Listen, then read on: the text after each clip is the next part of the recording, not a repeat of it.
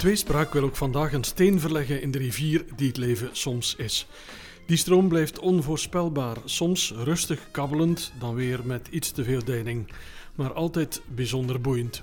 Aan de hand van tien niet-alledaagse vragen willen we bij onze twee gasten polsen naar hoe dat leven verloopt en hoe zij omgaan met bergen en dalen. Pieter Jan en Steven zorgen ook nu weer voor een ordentelijk verloop. Naima Sharkawi groeide op in een West-Vlaams Marokkaans gezin. Haar papa werd in 1995 de eerste Vlaamse schepen van allochtone afkomst.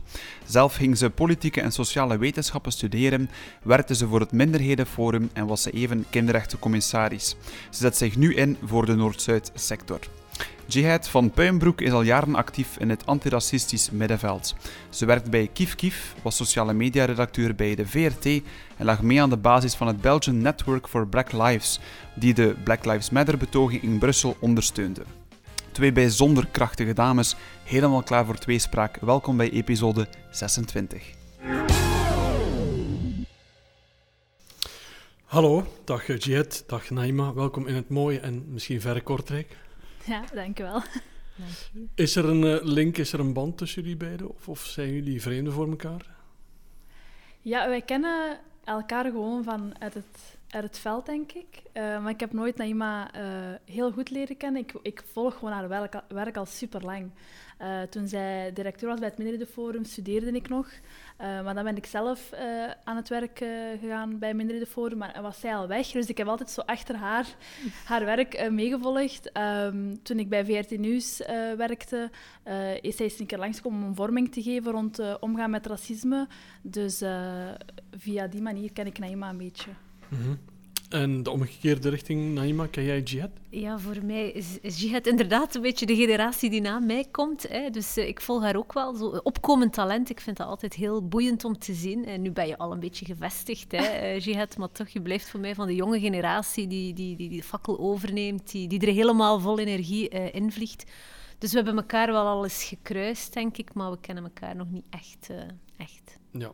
Wat er ook gemeenschappelijk is, dat jullie beide strijden een strijd voeren tegen het racisme, is dat, mogen we dat zeggen? Dat wij strijden tegen racisme? Mm -hmm. uh, ja, zeker. Ik denk dat uh, als ik kijk naar het parcours dat ik heb afgelegd, dat dat uh, altijd wel gaat rond racisme en de strijd tegen antiracisme en discriminatie. Ja, voor mij is racisme natuurlijk, of antiracisme beter gezegd, ook een belangrijke rode draad. Eerst bij mijn werk bij het Minderhedenforum, mm -hmm. uh, maar ook daarna, toen ik eigenlijk al had gedacht van ik ga nu iets anders doen, want de strijd tegen racisme is best wel uitputtend.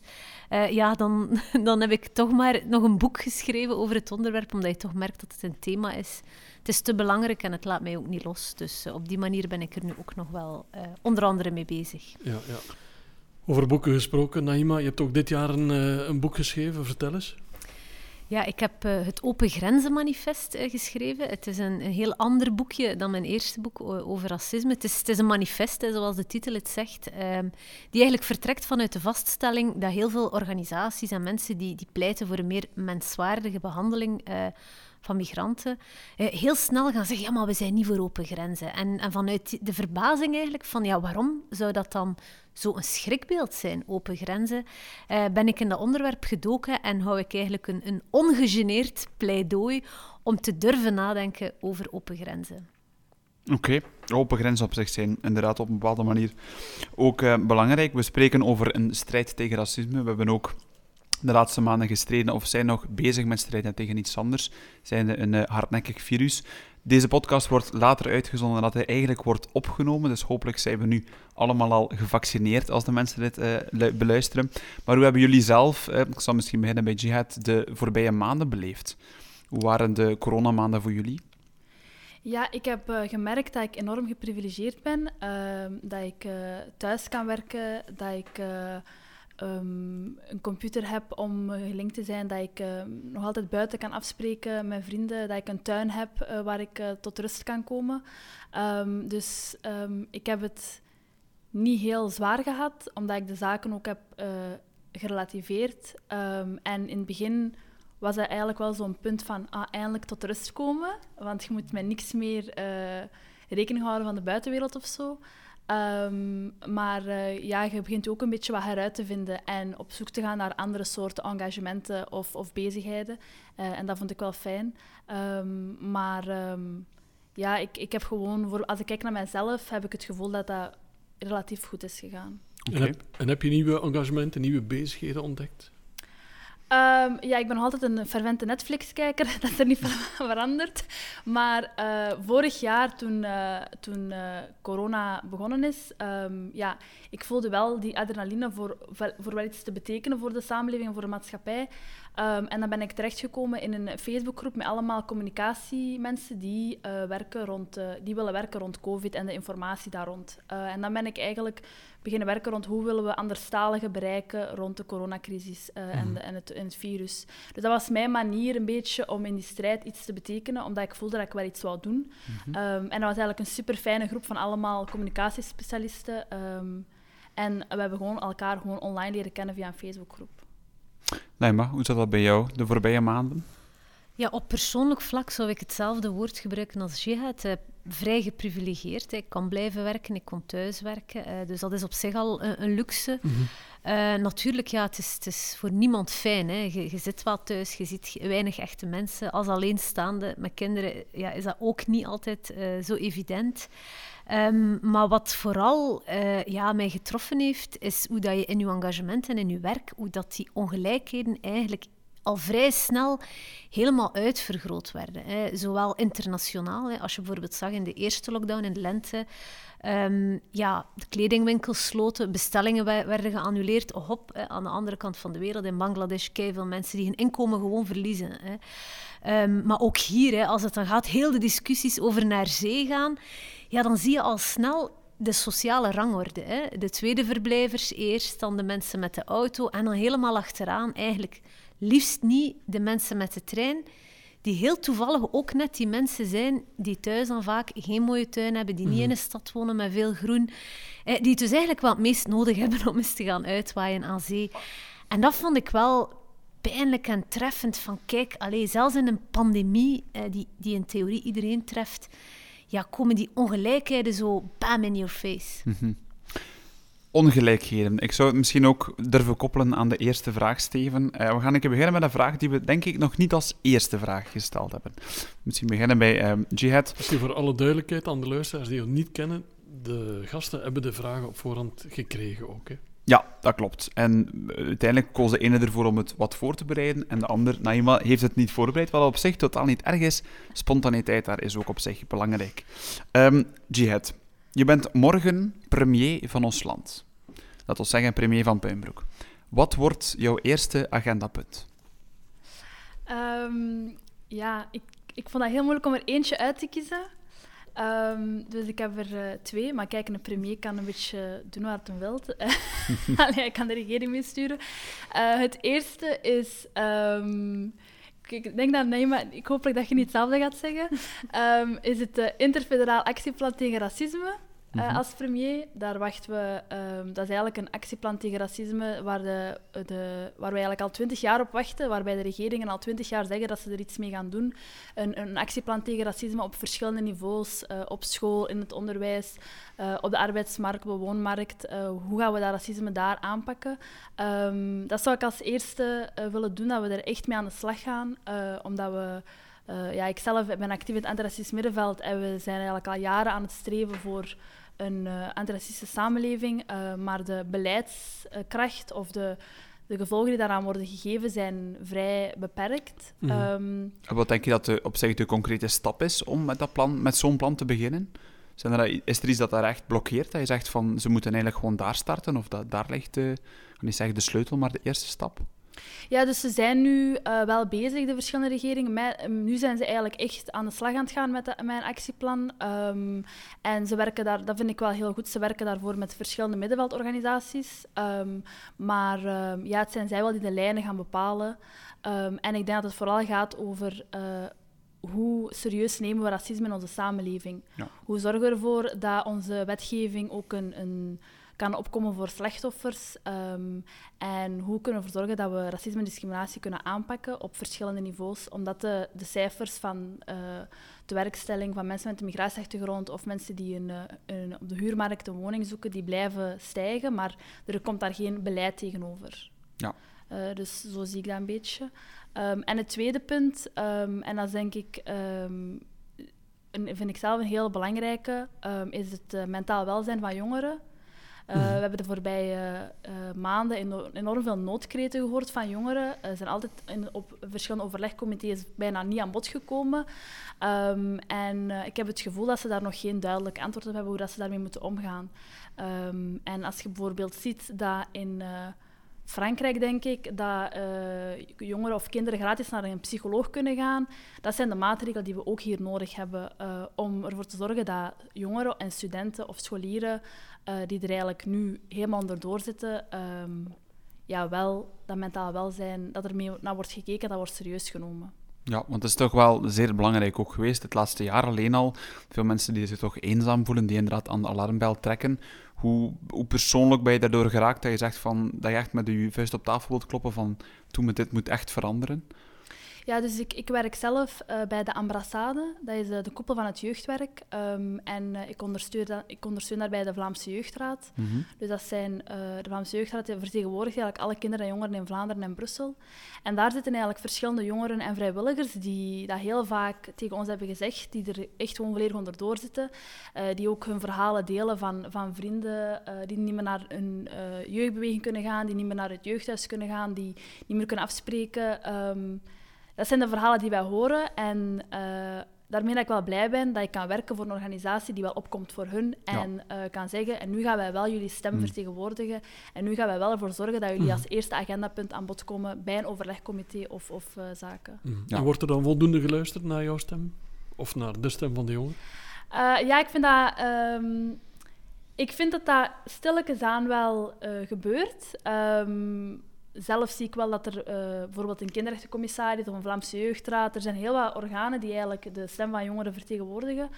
Um, en er wordt wel naar gekeken omdat we wel een bepaalde expertise hebben, dat is normaal. Allee, we, we, we, we zijn ook die achterban. Um, maar wordt er dan iets mee gedaan? Dat is vaak zo een moeilijke. Want er wordt dan vaak voorrang gegeven aan andere dingen, zoals het economische aspect bijvoorbeeld. Mm. Ja. Premier Sarkaoui, wat, uh, wat beslis jij als eerste agendapunt te realiseren?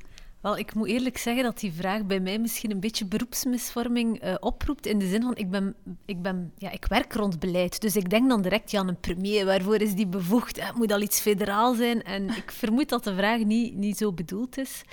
Um, maar dus ja, ik zoek dan van waar, welke sleutel heeft een premier om eigenlijk op, op grotere schaal of op langere termijn dingen te veranderen.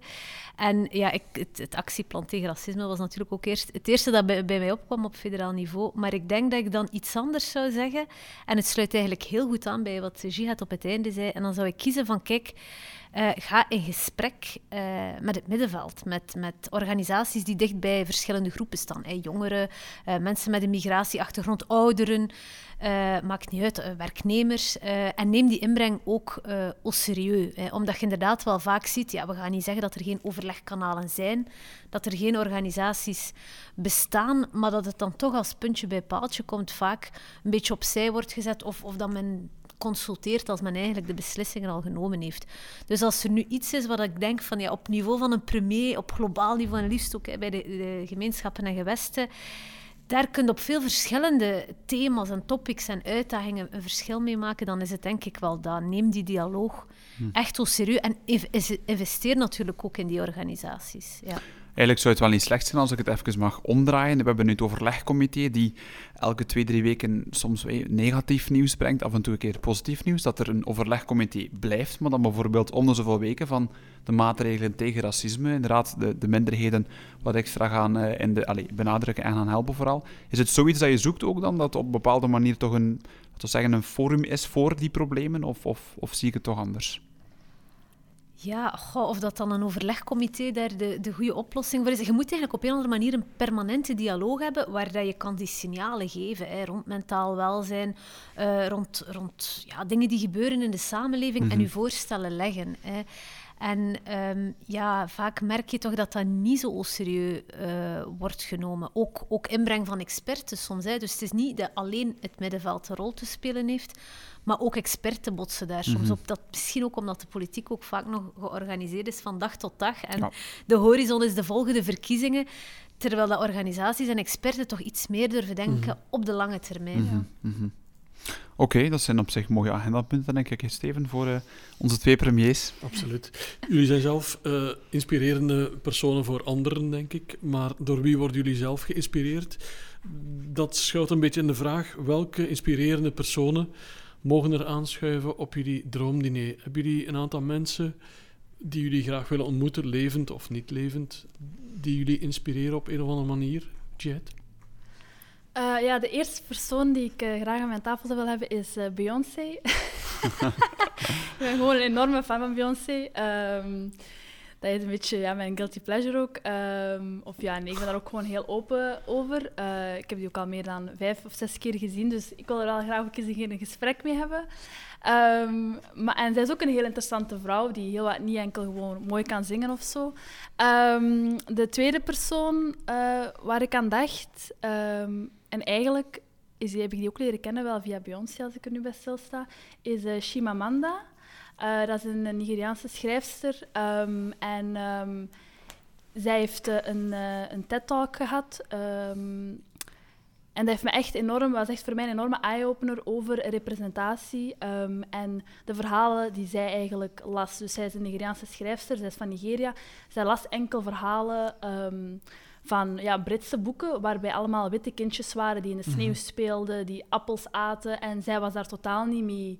Zij voelde haar niet aangesproken. Mhm. En toen zij haar, haar verhaal vertelde, kon ik mij daar heel wat in herkennen. Van ja, inderdaad, als ik naar tv kijk, als ik boeken lees, dan... Uh, voel ik mij niet gerepresenteerd of zo. Dus ik vind mm dat ook een super interessante dame, dus daar wil ik heel wat gesprekken mee voeren.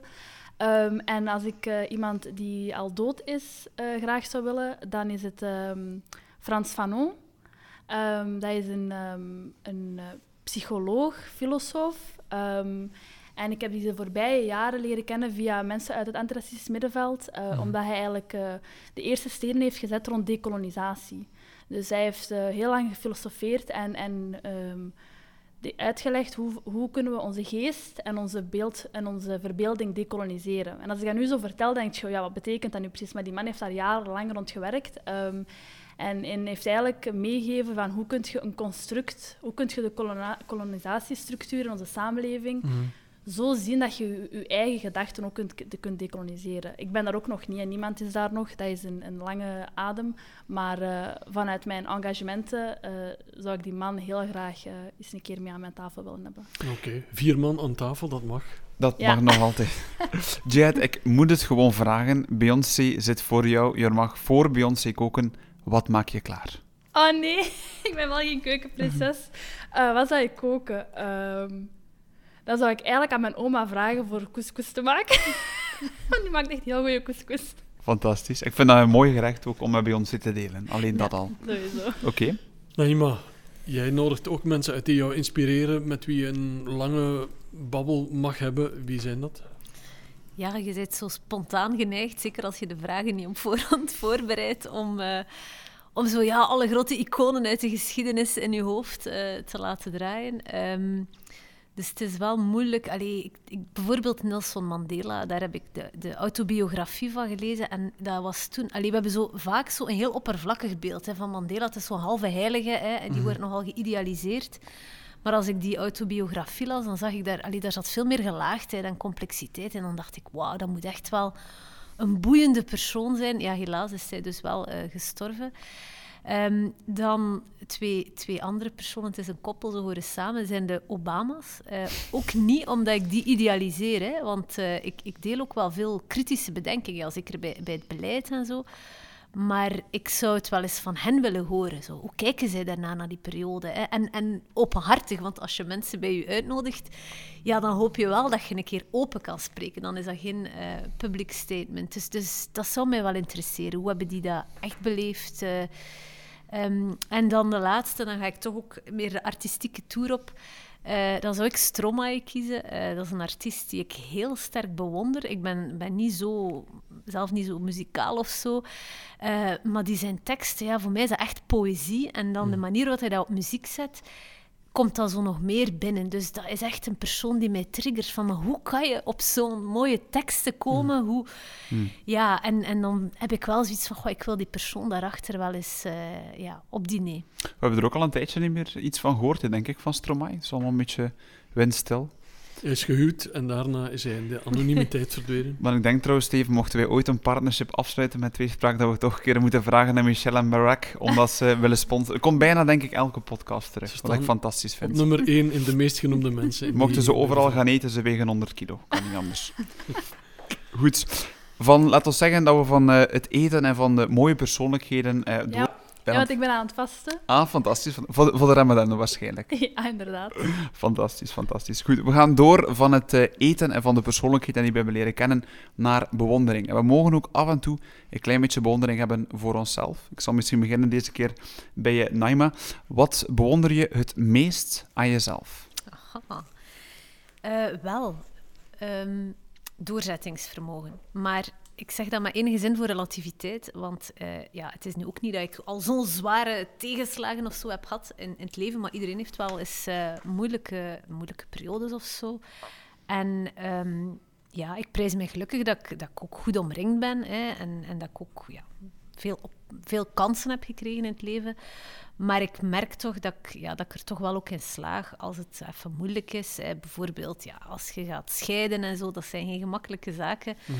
Dat ik er dan toch ook wel in slaag met, met ups en downs om, om door te bijten. Of ook op, op mijn jobs heb ik ook al vaak ja, moeilijke periodes gehad. Hè. Um, ik heb het al gezegd, hè, de strijd tegen racisme kan best wel uitputtend zijn.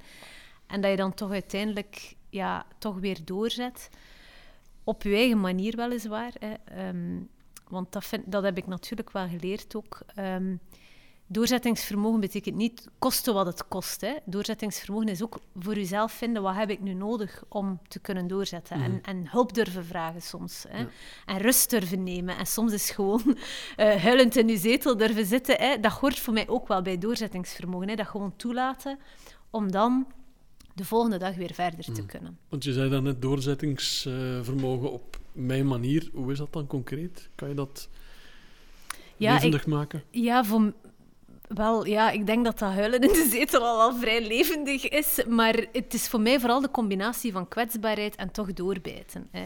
Eh, ik zeg dat ook zo aan mijn kinderen. Hè, want, want ik ben wel... Ik kan vrij emotioneel zijn. En als ik het even niet zie zitten, ja, dan zie je dat ook aan mij. Dan zit ik dus ook echt te huilen. Maar ik probeer dat ook uit te leggen. Van, het is niet omdat je huilt dat je zwak bent. Hè. Want intussen doe je wel dit, dat en dat. Hè. En het is ook niet omdat je niet huilt, omdat je geen emoties toont, dat je sterk bent. Hè. Um, dus dat bedoel ik met op mijn eigen manier. Dat je, dat je die kwetsbaarheid wel toelaat, dat je die ook bij jezelf durft accepteren, hoe moeilijk dat, dat soms ook is. Maar dat je ook tegen jezelf zegt, en vandaar misschien dat ik daar direct aan denk, als je zegt waarop zij de trots, dat je tegen jezelf zegt, hé, hey, maar ik doe het toch maar. Ik sta hier maar toch hmm. terug. Hè. Um, dus voilà, daarom roept dat wellicht uh, dat antwoord bij mij op. Oké. Okay. Jij kijkt in de spiegel en dan zeg je, daar sta ik uh, op welk uh, aspect van jezelf ben je dan het meest trots? Ja, ik had eigenlijk, ik heb de vraag wel voorbereid en ik had ook het woord doorzettingsvermogen. maar uh, wat je zegt, Naima, over ja, doorzetten en tegelijkertijd ook de rust geven en u de emoties een plaats geven, dat is iets waar ik zelf heel zoekende, voor ben, zoekende in ben, omdat ik wel iemand ben dat um, een olifantenvel heeft gekweekt.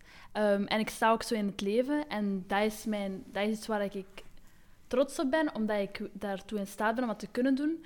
Um, en dat ik gewoon echt uh, ervoor ga voor uh, mijn eigen, mijn eigen uh, um, idealen, voor de samenleving, voor mm. de mensen rondom mij. en dat ik me ook niet wil verstoppen. Mm -hmm. omdat de, de samenleving is heel gepolariseerd en we worden tegen elkaar tegengezet, maar ik wil daar eigenlijk niet aan meedoen. En ik wil gewoon blijven gaan voor waar ik wil strijden en voor doen.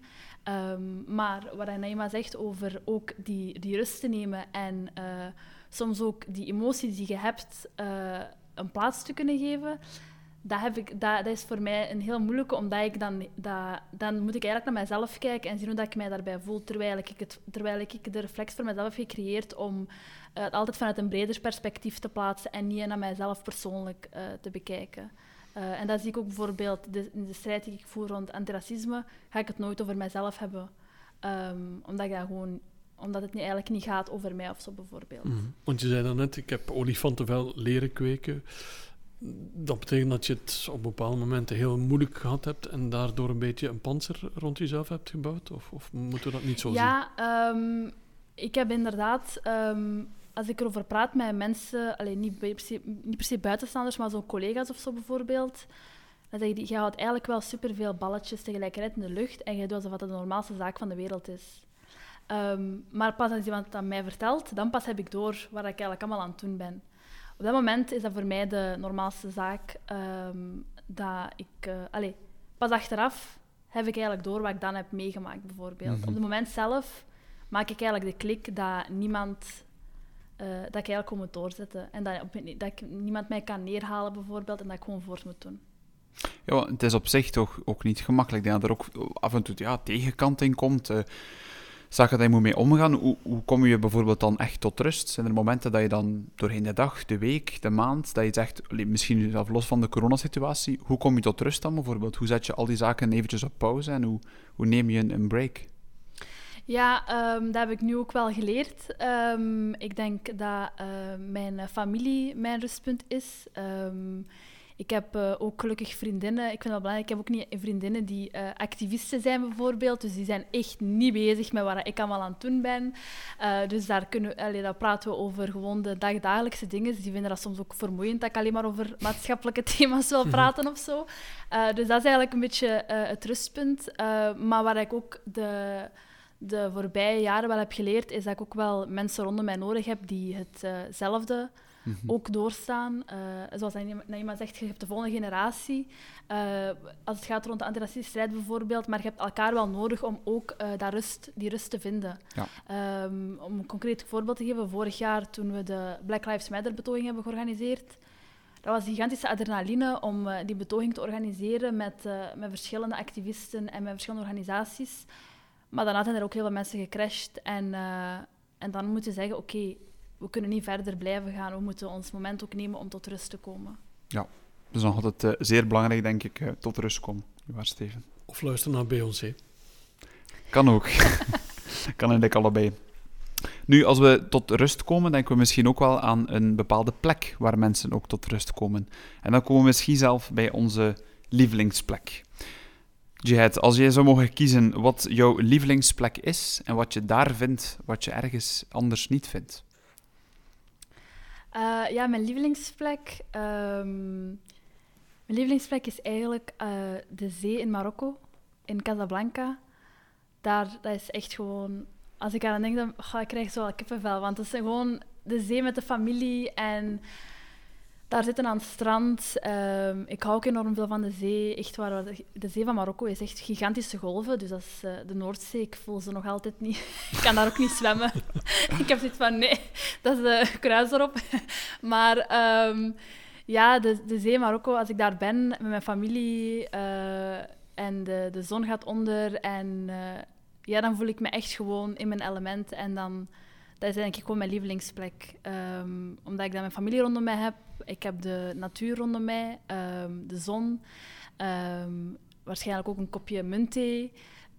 en ja, ik, zou het, ik zou nu, daar nu zo graag willen zijn. Het klinkt heel aanlokkelijk, moet ik zeggen. Dat je het beschrijft. Uh, fantastisch. Ja. Oké. Okay. Naima, heb jij ook een... Uh, zo'n plek verkies je ook de zee of totaal iets anders? Bij mij zijn de bergen. Ik heb er ook altijd discussies over met mijn kinderen, want zij zijn zee en ik ben bergen. en dan, uh, uh, nee, voor, mij zijn het echte bergen. Maakt dan niet zoveel uit welke bergen. Het mogen, zelfs, als het moet, de Ardennen zijn of zo. Maar ja, echte bergen zijn natuurlijk nog fijner. De hoogte, het, het, als je boven bent, het, het uitzicht... Um, dat geeft mij een rust, een gevoel van rust. zo. Mhm. En, en, dat is natuurlijk ook heel mooi. Hè. Ik heb ooit het geluk gehad dat ik parapente kon doen. Dus dan ga je zo van een berg lopen en dan daarna heeft dat zo'n parachute-effect.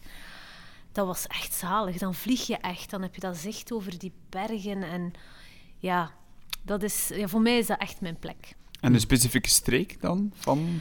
Ehm, ja, de Pyreneeën bijvoorbeeld, daar Mhm. zijn we als kind vaak geweest. Dus eh, ik, ik heb ook één keer eh, in, in Nepal, in, in nog hogere bergen, en toen had ik echt wel zoiets van, wow, dit is nog zoveel hoger. Mhm. Eh, dat was echt ook wel indrukwekkend. Maar dat hoeft niet zo spectaculair te zijn, bijvoorbeeld. En dan Eh, zag, je, dan zag je de Himalaya in de verte, Ja. in Nepal. Ja, dat was echt... Ja, als je zo de Pyreneeën had, dan had je zo nog eens zoveel erbij. Mhm. Dan echt zoiets van... Amai, dat kan niet. Maar eh, ik zeg, ja, dat hoeft niet zo te zijn. Dat was, Mhm. eh, als ik jong was, deed ik meer zo'n dingen. Nu hoeft dat allemaal niet. Ik zeg het, de Ardennen eh, op en neer lopen, dat, dat zou voor Ja. mij... Dat is ook Mhm. voor mij al prima. Want opvallend, jullie noemden allebei buitenlandse plekken. eh, Nepal, de bergen in, in Zwitserland of Oostenrijk of waar dan ook. Jij zat in Marokko. Heb je ook een zeker verbondenheid met Vlaanderen, met een plaats in Vlaanderen of, of niet echt? Eh, ik woon al heel mijn leven in eh Melcelen. Ehm, dus daar ben ik wel mee verbonden. Ehm, ik zeg altijd, in uh, Melcelen ben ik altijd de dochter van. Mijn papa woont daar ook heel zijn leven, al in dezelfde straat. Dus eh, ja, dat, is, dat is een plek waar ik mee ben verbonden. Ehm, ja, ik denk mijn familie thuis in Melcelen, dat is ook een plek. Oké, mooie band ook. Naima, heb jij hetzelfde met de... Ja, in Vlaanderen zou ik dan de, de Westhoek kiezen. Dat is nu eigenlijk wel grappig, want dat is het platste stuk ongeveer van Vlaanderen. Eh, maar daar heb ik ook zo wel een beetje dat gevoel, misschien net omdat het zo plat is, als eh, een, vakantiehuisje waar we vroeger vaak geweest zijn. En daar heb je dan ook echt die, dat wijd zicht, dat groen, dat plat. Ehm, dus ja, dat, dat is voor mij ook wel een plek waar ik echt tot rust kan komen. En gaan jullie op zich graag op reis in ideale tijden, zeg maar? Zijn jullie mensen die op jaarbasis eh, veel weggaan met het vliegtuig, met de auto? Ik zie je het Ja. knikken van, ja. Ja, ik ben echt... eh, ik moet wel elke vakantie bijna... Wil ik wel graag in het buitenland zijn of probeer ik tripjes uit te zoeken. Eh, maar ik heb nu ook wel hier ontdekt dat er ook in, Vla of in België keihard te doen is. Ja.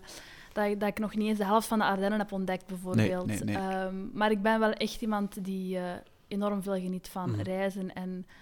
Ja, helaas ook het vliegtuig nemen, maar ook eh, met de auto roadtripjes te doen en zo. Mhm. Ja. En jullie hebben beloofd om na corona Kortrijk te ontdekken. Dat heb je, Ja, ja, dat ja, gaan we doen. Moet je zeker eens doen, ja. Eh, we gaan een eh, serieuze vraag er nog eens tussen gooien, waarom niet? Ehm, het leven eh, gaat verder natuurlijk en soms kijken we wel eens terug naar wat voorbij is. En dan eh, blikken we op die ene les die we geleerd hebben uit iets dat, dat gebeurd is in ons leven. Wat is voor jullie de mooiste les die je ooit hebt geleerd? En van wie heb je die geleerd of heb je dat zelf ontdekt, Naima? Ja, dat is wel een doordenker. Hè? De mooiste les. Het kan ook de hardste les zijn, de belangrijkste. Ehm, ja, dan, dan kom ik zo toch terug weer een beetje op, op, eh, op, dat, op dat doorzetten. Zo. Mijn, mijn oma, mijn, Vlaamse oma, eh, die nog de, de Tweede Wereldoorlog eh, heeft meegemaakt, die zei altijd: niet zagen, niet klagen, maar bidden om kracht. En ja, ik vind nu dat niet zagen en die klagen. Ik vind, je mocht soms wel een keer zeggen van, oh, het is lastig. Maar zo van focus op je kracht, hè, ehm, zoek je kracht, eh, dat vind ik wel een, eh, een mooie les. Eigenlijk zit er in veel spreekwoorden zitten er wel mooie lessen. Hè. Zo bijvoorbeeld van de nood een deugd maken. Dat is ook iets waar ik zo vaak op terugval. Van, je zit eigenlijk in een, in een situatie die je tegenvalt en, het staat u niet aan. En heel vaak kun je dan toch nog een bocht maken dat je zegt, ah, maar hè, er hangt dan toch iets positiefs, of ik kan er nog iets positiefs eh, van maken. Dus ja, ik val een beetje terug op de, de huistuin- en keukenwijsheid misschien, maar daar, daar zitten vaak wel dingen in eh, die iets bijbrengen. Oké. Mooi. Jet, heb jij zo'n les die je aan iemand zou willen meegeven? Een les die je zelf hebt ervaren in de loop van jouw leven al? Ja, ik, vond, ik vind dat ook wel een, een moeilijke vraag, omdat ik ben eh, ook nog maar 26, dus eh, ik heb nog veel, uh, staan nog met te wachten hopelijk. Ehm, maar ik herinner me bijvoorbeeld, ik was ooit eens een keer op een uh, avond van, uh, als alumni bij verschillende masterstudenten. Um, en, uh, en ik merkte dat zij de enorme druk voelen om constant te presteren en hun toekomstvooruitzichten te hebben en te weten waar ze moeten staan. Um, en die les heb ik, voor mij, heb ik zelf doorheen de jaren wel geleerd. Dat ik ook iemand, ik ben ook iemand heel ambitieus. Ik had een plan voor ogen of toekomstplannen. Um, maar ik heb eigenlijk geleerd van, je hebt dat eigenlijk niet constant nodig. Je moet ook soms niet weten waar je naartoe wilt gaan. Of uh, als je zelf van je eigen nu weet dat je goed bezig bent en dat je met wat je het doen dat je dat heel graag doet, dat je er enorm veel energie uithaalt, dan ga er wel verschillende dingen op je pad zien komen die je misschien niet direct aan denkt. Omdat je misschien te veel bezig bent met een plan uit te tekenen uh, en omdat mensen verwachten dat je dat pad of zo per se moet volgen. Um, dus dat had ik toen gegeven aan die studenten. Um, en dan keken die docenten wel zo raar van ja, maar ja, ze moeten wel uh, met een diploma aan de slag gaan en zo. Maar, maar uh, ja, dat is denk ik de les die ik, die ik, zelf doorheen de jaren voor mezelf wel heb uh, geleerd. Ben je iemand die een, een, een soort van uitgestippeld pad heeft van wat, wat dat je wil bereiken in je leven? Denk je daar soms over na of schrijf je dat soms, schrijf je dat soms echt uit? Of zeggen van nee, ik leef echt dag per dag en wat dat het leven ook brengt?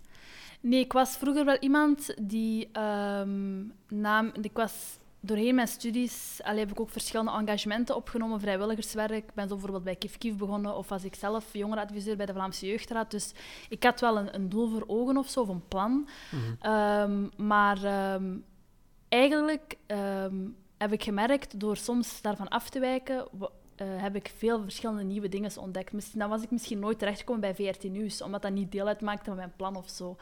Um, dus dan heeft mij dat wel zo tot besef gekomen van... Ik leef niet per se van dag tot dag, uh, maar ik ben ook niet de persoon dat zegt van uh, binnen tien jaar moet ik daar staan of ik schrijf voor mezelf doelen op die ik elke maand moet verwezenlijken of zo. Ik vind dat zelf een heel gevaarlijke, uh, want je zei, allez, je zei gewoon weer dat je zei en dat is niet mijn manier van, van leven mm. of zo dat ik sta in het leven. Mm. In principe leef jij zonder plan en laat je de dingen gewoon gebeuren en op je pad komen, zoiets? Nee, maar ik ben ook al iemand heel gestructureerd hoor. maar ja, um, ja, ik weet, ik, weet het, ik ben eigenlijk een beetje de combinatie van de twee. Ja. Um, ik denk dat um, ik wel bepaalde dingen wil verwezenlijken, maar op welke manier of op welke tijd, dat ik dat gewoon wel zie hoe dat, dat komt. Ja. Naima, is dat herkenbaar of heb je een gestructureerder plan of zeg je van nee, ik leef echt heel volgens een structuur of totaal niet? Of hoe mogen we dat bij jou ja, zien? Het, het, is wel herkenbaar hoe dat ze zegt, het is een beetje tussen de twee, want ik ben zeker niet iemand die van dag tot dag leeft, go with the flow, dat kun je ook niet, niet zo permitteren, denk ik, als je huishouden moet runnen. Uh, maar ik heb ook geen carrièreplan. Maar ik ben wel heel doelbewust bezig met wat wil ik allee, nu doen. Dus uh, als op een bepaald moment een job voor mij niet meer goed voelt, of, of zelfs als men nu dingen aanbiedt waarvan je denkt, oh, maar dat heeft prestige en dit en dat. Maar je zegt, maar dat is nu niet wat ik wil doen, dat voelt niet goed, dan ga ik het ook niet doen, omdat het mij misschien op termijn, ik weet niet wat, zou opleveren. Dus ik, heb geen, ik kan mij nu totaal niet inbeelden wat ik over tien jaar zou doen, omdat ik zeg, ja, dan, dan ben ik misschien weer een ander mens. Maar ik weet wel dat wat ik nu doe, dat ik mij daar goed bij voel. En als het niet meer goed zou zijn, dat ik dan wel heel bewust zou gaan nadenken, wat wil ik nu gaan doen? En daar heel doelbewust naar zou op zoek gaan. Dus het is wel doelbewust, maar het is geen lange termijn plan.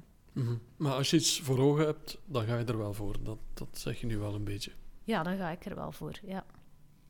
Stel dat jullie morgen, dames, voor iets anders mogen gaan. Laten we zeggen, een ander beroep. Totaal iets anders dan wat je vandaag gewend bent. Meer nog, jullie worden eindredacteur van alle kranten van België. Jullie mogen morgen één quote op de voorpagina van de krant drukken, die nationaal verspreid wordt. Wat wordt die quote, Jihad? Ja, uh, geen quote van mezelf, toch? Nee, dat mag ah. een quote zijn dat je zegt van... Een quote dat je inspireert, dat je tegengekomen bent in een boek, in een film, algemeen doorheen het leven. Dat je zegt van, eigenlijk is dat wel een quote die voor mij iets samenvat, iets vertelt, uh, iets meedeelt. Maar mag ook iets van jezelf zijn. Ja, ja. zeker. Ja, ik ben zo geen quote mensen, maar sorry nee, maar voor u, voor de gezegdes en zo. Maar um, ik, ik heb niet per se een quote, maar wat ik wel zou doen, uh, omdat ik ook wel in de media heb gewerkt en uh, ook wel heb gezien wat daar soms uh, misloopt, of, of, of hoe, dat, hoe dat elkaar, media elkaar ook in de gaten houden ik zou sowieso geen quote kiezen van een politicus of van een, uh, een expert. Ik zou een quote kiezen van een gewone persoon. Um, dat posit een positieve quote dat niet ingaat op um, tegenstrijden, dat we niet altijd op zoek gaan naar pro's en contra's. Dat is wat mm -hmm. we vaak doen. Het ene zegt dat, dan moeten we ook iets anders in de plaats hebben. Um, ja, ik weet eigenlijk niet welke quote ik zou zetten. Ehm, Nu, de soort quote op zich, dat geef je wel mee. Ah, wel, Dus een inderdaad- soort quote. Ik dacht dat er een gewone persoon die Ja. iets vertelt eh, en dat we misschien nog te weinig weten. Mhm. Ehm, en dat is ook wat ik wel ook, eh, dat, dat ik ook wel belangrijk vind, dat we iemand aan het woord kunnen laten die we nog te weinig horen, die nog te weinig een platform heeft ehm, en waar we soms nog te weinig bij stilstaan. Ja. En heb je iemand in gedachten als je daaraan denkt? Nee, eigenlijk niet. Nee, Kan, kan, eh, dat gaat, dat gaat heel over zo'n soort, soort, soort situaties of zo gaan, maar eh, vaak denken we in bepaalde stereotype beelden of zo. Mhm. En dat zou ik dan in die quote willen loskrijgen. misschien wel een quote van de psycholoog die je daar net over vertelde. Ah, Eh, ja, die ja, mocht aanschuiven aan, voilà, die mocht aanschuiven aan wel. droomdiner. Zou Die misschien heeft, wel iets... goeie- die heeft wel goede quotes, ja, Ja. maar in het Engels. Ja, en wel voilà, maar dat, dat op zich ook is. eh, Er is Zeker. Google Translate voor mensen in nood. zeker. Naima, heb jij zo'n quote, een slagzin die jij in alle media op de voorpagina Ja. zou willen laten zien? Ik ben ook zo geen naslagwerk van quotes, maar er is een quote die ik recent ontdekt heb, eh, dankzij de rector van de VUB, die die had gekozen in een artikel. Ik weet niet van wie dat de quote is, maar die zegt: eh, What if I fall? But darling, what if you fly? En ik vind dat zo mooi. En ja, misschien ook omdat ik me daar een stuk in herken. Zo, zo vaak zo de angst om fouten te maken, om iets te doen dat eigenlijk buiten je comfortzone ligt. En dan zo de, de, de aanmoediging van, but, but what if you fly? Dus dat vind ik wel een hele mooie quote. Maar ik weet dus niet van wie dat die eigenlijk eh, is. Op, op zich hoeft dat niet. Ik denk dat de quote op zich vol op zich wel staat, denk ik. Bij iemand die veel bezig is met het, eh, met het vallen, laat ons zeggen. Bij iemand die daar bewust van is, van alles wat je doet of onderneemt, dat je daarop focust. Of zeg je van nee, eigenlijk, ik focus me altijd wel op het goede van de zaak. Ehm, ik doe dat van nature wel een beetje. Dus ik heb dat wel een stuk leren loslaten hoor. Ehm, maar, maar zeker in mijn eerste job was ik daar wel veel sterker mee bezig. Ik denk zelfs ook, mijn eerste job uiteindelijk bij het Minderhedenforum, dat is een beetje raar gelopen. Want ik ben daar begonnen als een, met een vervanging. Ehm, en dat was een organisatie met twee medewerkers. En dan is die organisatie beginnen groeien en werd ik Mhm. plots coördinator van 30. Ehm, en ik iedere keer aan mijn baas, aan de voorzitter, zeg maar, nu worden we toch te groot. Ben ik uiteindelijk maar een groentje, zouden niemand anders zoeken. Ik vind dat echt oké, als jullie beslissen om iemand anders te zoeken. Ik ga daar, no bad feelings. Hij zei iedere keer, maar nee, nee, je kunt dat, blijf dat maar doen. En het was een harde leerschool, hoor, om, om als groentje dat allemaal te doen. En ik heb zeker fouten gemaakt. Maar tegelijk denk ik ook van, als zij dan toen niet tegen mij hadden gezegd, but what if you fly? Dan zou mijn leven er waarschijnlijk toch wel heel anders uitgezien eh, hebben. Ik zou spontaan nooit die stap, denk ik, hebben gezet. Dus voilà. Oké. Op zich eh, boeiende quotes, denk ik, hè, Steven. En heb jij trucjes om van fall naar fly te gaan? Want dat Eh, lijkt allemaal zeer evident en makkelijk, maar dat is het nee, niet, ik denk heb geen trucjes. Want tegelijkertijd is de uitdaging natuurlijk ook om op een bepaald moment te zeggen: hier is mijn grens en ik ga mijzelf ook niet forceren. Ik hoef dit niet te doen. Het voelt niet goed. Dus je moet tegelijkertijd soms jezelf een duw geven en soms ook durven zeggen van. Nee, nu voelt het niet meer goed. Dus ja, kijk, maar misschien dat ik dat over tien jaar perfect in de vingers heb. Het zou wel zijn. Een, eh, iemand die voornamelijk mensen van fall naar fly positie helpt. Ik vind op zich wel mooi klinken ook. Mhm, absoluut. Een eh, vraag die een beetje aanleunt bij dat nostalgische van daarnet. We zijn een beetje nostalgisch vandaag, waarom niet? Ehm, eh, stel dat je iets in jouw leven eh, dat je hebt beleefd of hebt eh, meegemaakt nog eens opnieuw zou mogen doen. Eh, welk moment, welk aspect van jouw leven zou dat dan zijn, eh Jihad? En waarom? Ehm, ja, ik denk eh, dat ik niet per se iets zo wil, her, wil herbeleven of zo. Omdat ik daar aan dat moment, dat dat dan, als ik dat zou herbeleven, dat dat toch sowieso anders gaat zijn. Maar eh, als ik iets concreet moet vinden, dan zou ik bijvoorbeeld, eh, ja, omdat ik ook heb gezegd van ik hou ook van reizen, dan zou ik mijn eh, reis naar Maleisië en Singapore zou ik, zeker terug opnieuw willen doen. Dat was, ik heb die reis twee jaar geleden gedaan, maar dat was eigenlijk mijn eerste verre reis. Mhm. Ehm, en eh, dat zou ik sowieso zo terug opnieuw willen doen en nog veel andere kanten van, dat land, van die landen willen ontdekken. Mhm. En kan je ook zeggen waarom? Ik ben er nog nooit geweest. Misschien Pieter Jan ook. Nee, nee, nee, zeker niet. Ja, Singapore is echt eh, een combinatie van natuur. ehm, en, ah ja, want het is een eiland, maar ook kei, kei innovatief. En eh, ja, die stad geeft gewoon superveel energie en ook inspiratie. Maleisië, ehm, ja, dat is gewoon... ehm, dat is ook een islamitisch land. Eh, dus eh, ik, ik, ja, ik voel me daar ook wel thuis. En eh, tegelijkertijd zijn dat ook mensen die niet eigenlijk op mij lijken, omdat die van Mhm. Aziatische origine zijn. Mhm. Ehm, en ja, ook gewoon daar de, de, de verschillende kleine eilandjes ontdenken. Het is eigenlijk zo het... wacht, hoe noemt dat eiland? Met prachtige blauwe zeeën en... Mauritius. ja, zo, eigenlijk Ja, is het dat, maar dan vele, niet, niet, niet zo zot toeristisch, Mhm. eh, waar je helemaal op je eigen, op je eentje eh tot je elementen kunt komen. Naima, heb jij een moment in jouw leven, een, een eh, periode of zo, of een moment zelf, dat je nog eens opnieuw zou willen beleven? Ja, als we dan toch nostalgisch bezig zijn. Ik denk dat ik vroeger ook een reis zou gekozen hebben, want ik was ook heel veel bezig met reizen en zo. Ehm, nu is dat minder. Ik pleit ook in mijn boek Open Grenzen voor, kijk, we moeten eigenlijk minder eh, reizen. Maar eh, dat is niet de reden, want, want het eerste wat dat bij mij opkwam, was zo gewoon die eindeloze zomervakanties, waarin dat je het gevoel hebt dat de tijd blijft stilstaan als kind. En wij waren heel vaak bij mijn grootouders. die hadden een tuin met een schommel. En wij vangden vlinders. Dat is denk ik ook niet zo ecologisch verantwoord, maar wij wisten dat toen nog niet. En lieve heerbeestjes.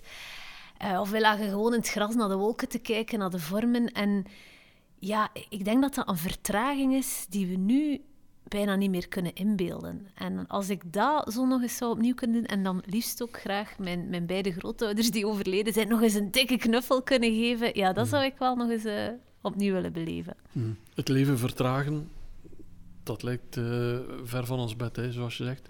Kunnen we dat nog? Ja, eigenlijk zouden we het moeten kunnen, hè? want ik hoor mezelf praten en ik denk dan, ja, doe het gewoon. Hè? Ga in het park eh, op je rug liggen en kijk naar de wolken. Niemand houdt je tegen om dat te doen, maar je merkt dat, het, dat je er niet meer toe komt. Dat je zo die druk telkens hebt van, ik moet iets gaan doen. Of, ik, of als je het dan doet, ik moet er een selfie van nemen of zo. Ehm, waardoor dat het moment het moment ook niet meer is. Ehm, dus ja, dat, dat, blijft ook, dat blijft voor mij ook wel een uitdaging. Van, doe het dan gewoon, vertraag gewoon. Want je hebt ook eh, twee kinderen, tieners, 11 en 14. Zijn dat dingen die, jou, die jij hen wil meegeven ook? Of, of ben, ben je daar niet mee, mee bezig, concreet dan? Goh, je, je wil dat natuurlijk als ouder, maar ik denk dat je ook snel in de rol zit van... ehm, ja, ik ga het jullie een keer zeggen, hè, want in mijn tijd... En tegelijkertijd, ja, ik moet dan ook niet te veel de, de les spellen, bijvoorbeeld over smartphonegebruik, want je merkt dat je er als volwassene ook vaak op zit. Dus eh, ja, ik probeer het vooral op een positieve manier te doen. Als je dan, dat je dan een keer gaat wandelen in de natuur, of dat je een keer eh, echt zegt, kom, we gaan spelletjes spelen en we leggen de gsm aan de kant. Dat je toch minstens de ervaring hebt. En eigenlijk, en ik hoor dat wel van, van veel ouders, kinderen genieten daar wel van. Hè. Eh, het zijn vaak de ouders die denken, oh, jongeren vandaag de dag kunnen dat niet meer. Maar eigenlijk, als je het als ouder stimuleert, dan hebben ze iets van, oh, we moeten dit vaker doen, want onze ouders hebben nu hè, meer aandacht voor ons. Dus eh, ik probeer het op die manier te doen. Zijn jullie trouwens mensen, dus misschien een mooi bruggetje naar een, laten we zeggen, een deelvraag, ehm, die nostalgisch zijn, die effectief ook af en toe een keer terugkijken naar wat dat geweest is? Of hechten jullie eigenlijk meer belang aan het, aan het nu? Jihad. Ja, ik ben wel zo een alleen nostalgisch persoon. Allee, als ik bijvoorbeeld op Twitter eh, zo eh, tweets zie passeren van 90s kid, do you remember when you were a 90s kid? En dan zie je zo foto's passeren. en Ik, speelde met dat, ik keek naar dat, dan, dan doet je al aan denken. Ehm, en, en soms kan ik mij wel zo in een dag gewoon genieten van muziek die ik vroeger beluisterde.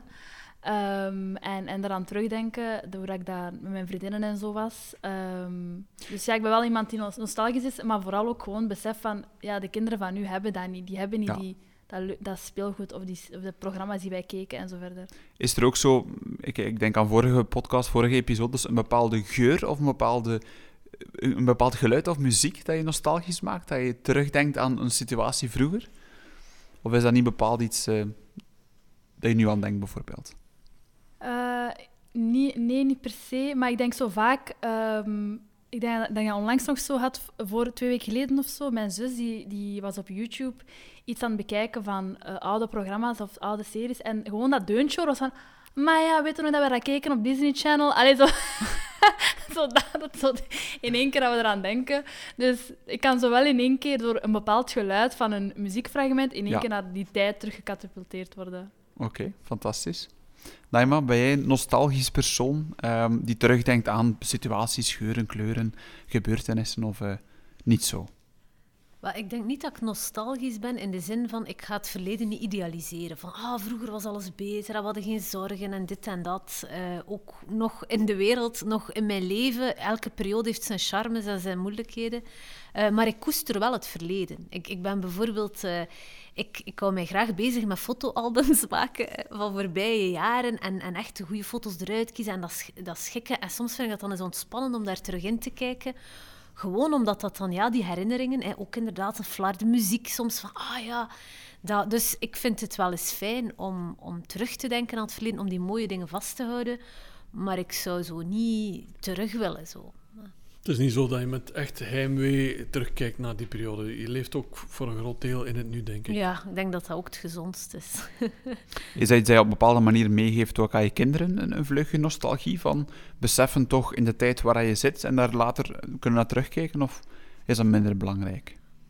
Uh, wel, mijn kinderen zijn op een bepaalde manier soms nostalgischer. Want veel dingen uit mijn jeugdjaren, die, die zijn nu terug uh, hip, heb ik gemerkt. Ook tv-series en zo. Kleren, hè. Um, uh, oude kleren van, van mij van vroeger, ja, die, die vinden dat plots, dat is dan vintage. Hè. Um, dus ik hoef hen dat niet echt mee te geven, ik verbaas mij daar eerder over. Maar wat ik wel belangrijk vind, is, en dat is dan misschien dat is dan nog iets anders, is dat ze toch een stuk weten van waar ze komen. Hè. Dat ze wel hun achtergrond kennen, dat ze, dat ze ja, de, de geschiedenis van de familie kennen. Bijvoorbeeld, mm. ik, ik moedig hen aan om, om bij mijn beide ouders te, te vragen van vertel eens over vroeger. Hè. En luister eens goed en stel vragen. En dat boeit hen ook wel. Ehm, dus meer zo in die zin, van, dat je weet van, van waar je komt. Ja. Nostalgie, superbelangrijk, denk ik. Hè?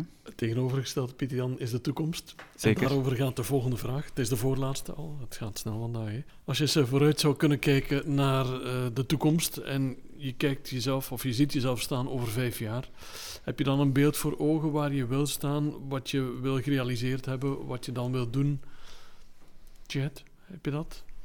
Ja, dus ik zei daarnet dat ik... Uh, ik vind die vragen ook niet irritant, maar gewoon... Uh, zo, je moet in één keer... Ja, dat is, dat is, een bepaalde druk dat je voor jezelf ook creëert. Van wat wil je binnen vijf jaar... Uh, waar wil je staan? Dus ik heb daar geen zot antwoord op. Um, ik denk ook wat Naima zegt... Um, dat wat ik nu aan het doen ben, dat ik dat heel graag doe.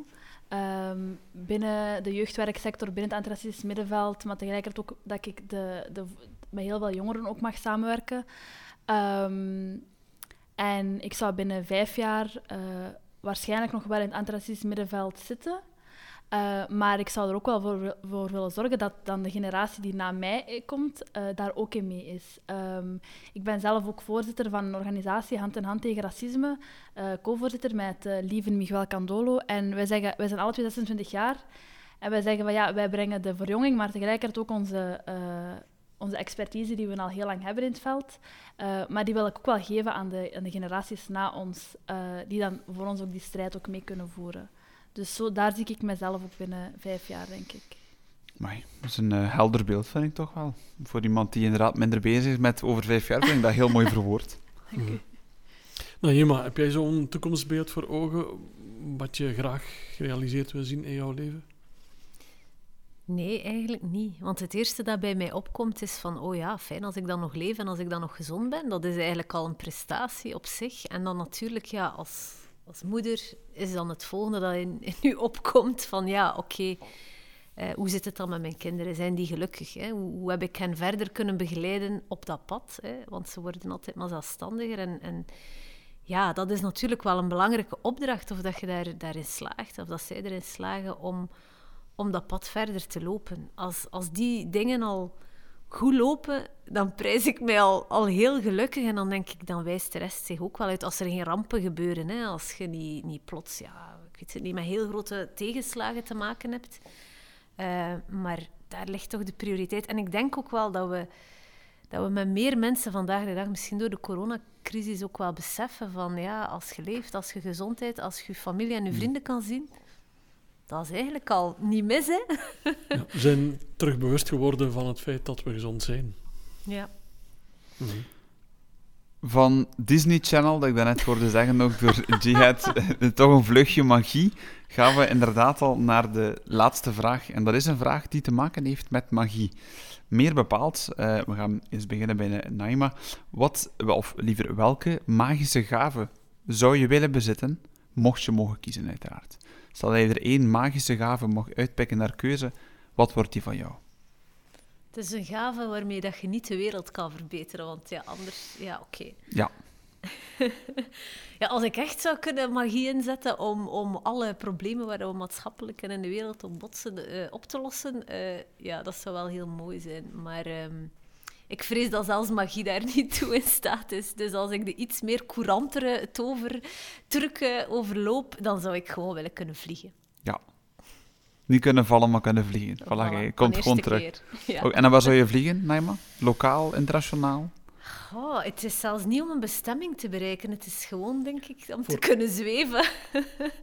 ja. Het gevoel. Niet, niet, niet voor het gemak of, of om snel ergens iets te zijn. Echt wel zweven, letterlijk en figuurlijk misschien zelfs. Ja, ja. dat is zoiets wat ik al van jongs af heb. Uh, ja, dus die, die fixatie op, uh, op vliegen. Ja, vandaar ook parapente. Het komt allemaal terug. Het komt allemaal ja, terug. Ja. Jihad, heb jij een bepaalde magische gave dat je zegt van, mocht ik er eentje kunnen uitpikken, dan wordt het, uh, wordt het die? Ik had, ik had ook vliegen, ik had niet vliegen gezegd, maar eerder zo, ik kan gaan en staan, of ik kan gaan naar eender welke plaats in de wereld waar ik naartoe zou willen. Um, dan zonder het vliegtuig. uh, vroeger zou ik zeggen, uh, zou ik misschien denken, ja, iedereen zijn gedachten of zo willen lezen. Uh, want dat maakt het dan heel interessant, maar nu denk ik, nee, ik hoef niet iedereen zijn gedachten te weten te komen. dat gaat enkel meer vermoeiender zijn, denk ik. dus ik sluit een beetje aan met wat Anaima zegt. Ook het kunnen vliegen? Ja. Oké, fantastisch. En heb jij dan een uh, ideale bestemming waar je vanavond naartoe wil vliegen? Uh, ik zou graag naar Peru gaan. Ja. Alsjeblieft. Specifieke reden dat je meteen zo Peru zegt? Ja, ik wil al gewoon al heel lang die, die streken daar ontdekken. Um, en uh, die geschiedenis en zo, dat interesseert me wel heel hard. Dus dan zou ik gewoon graag daar eens naartoe willen gaan. Oké. Okay. Mm. Wat, wat mij opviel jullie verhaal, jullie beide verhaal, is het woord idealisme. Hoe, sterk is dat nog altijd aanwezig in, in jullie dagelijkse denken en doen, als het ware, Jet? Um, ja, ik, uh, ik denk dat dat wel een beetje mij ook stuurt, mijn idealisme. Uh, of uh, mijn rechtvaardigheidsgevoel. Dat dat eigenlijk wel maakt wie dat ik ben en hoe dat ik ook sta in het leven. Um, dat ik vind dat wel belangrijk dat we dat hebben, want je kunt al snel ook heel fatalistisch worden. Um, en soms mogen er dat wel eens een keer zijn, maar ik denk dat idealisme ervoor zorgt dat we kunnen doorzetten, dat we kunnen voortdoen uh, en dat we meer mensen ook uh, daarin kunnen meekrijgen. Dus ik vind dat zelf persoonlijk wel een belangrijke.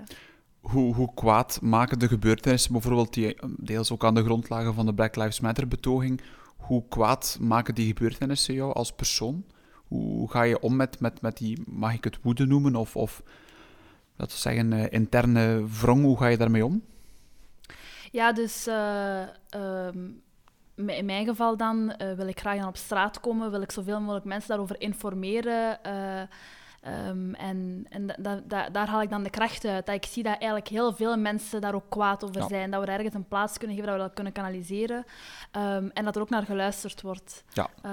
en, en daar haal ik wel heel veel energie uit. Dat hoeft niet per se dat we met 10.000 mensen op straat komen, maar ook dat we online daar ook een ruimte voor geven en dat die verhalen ook een plaats krijgen. En dat die vooral ook niet gerelativeerd worden. Ja, oké. Okay.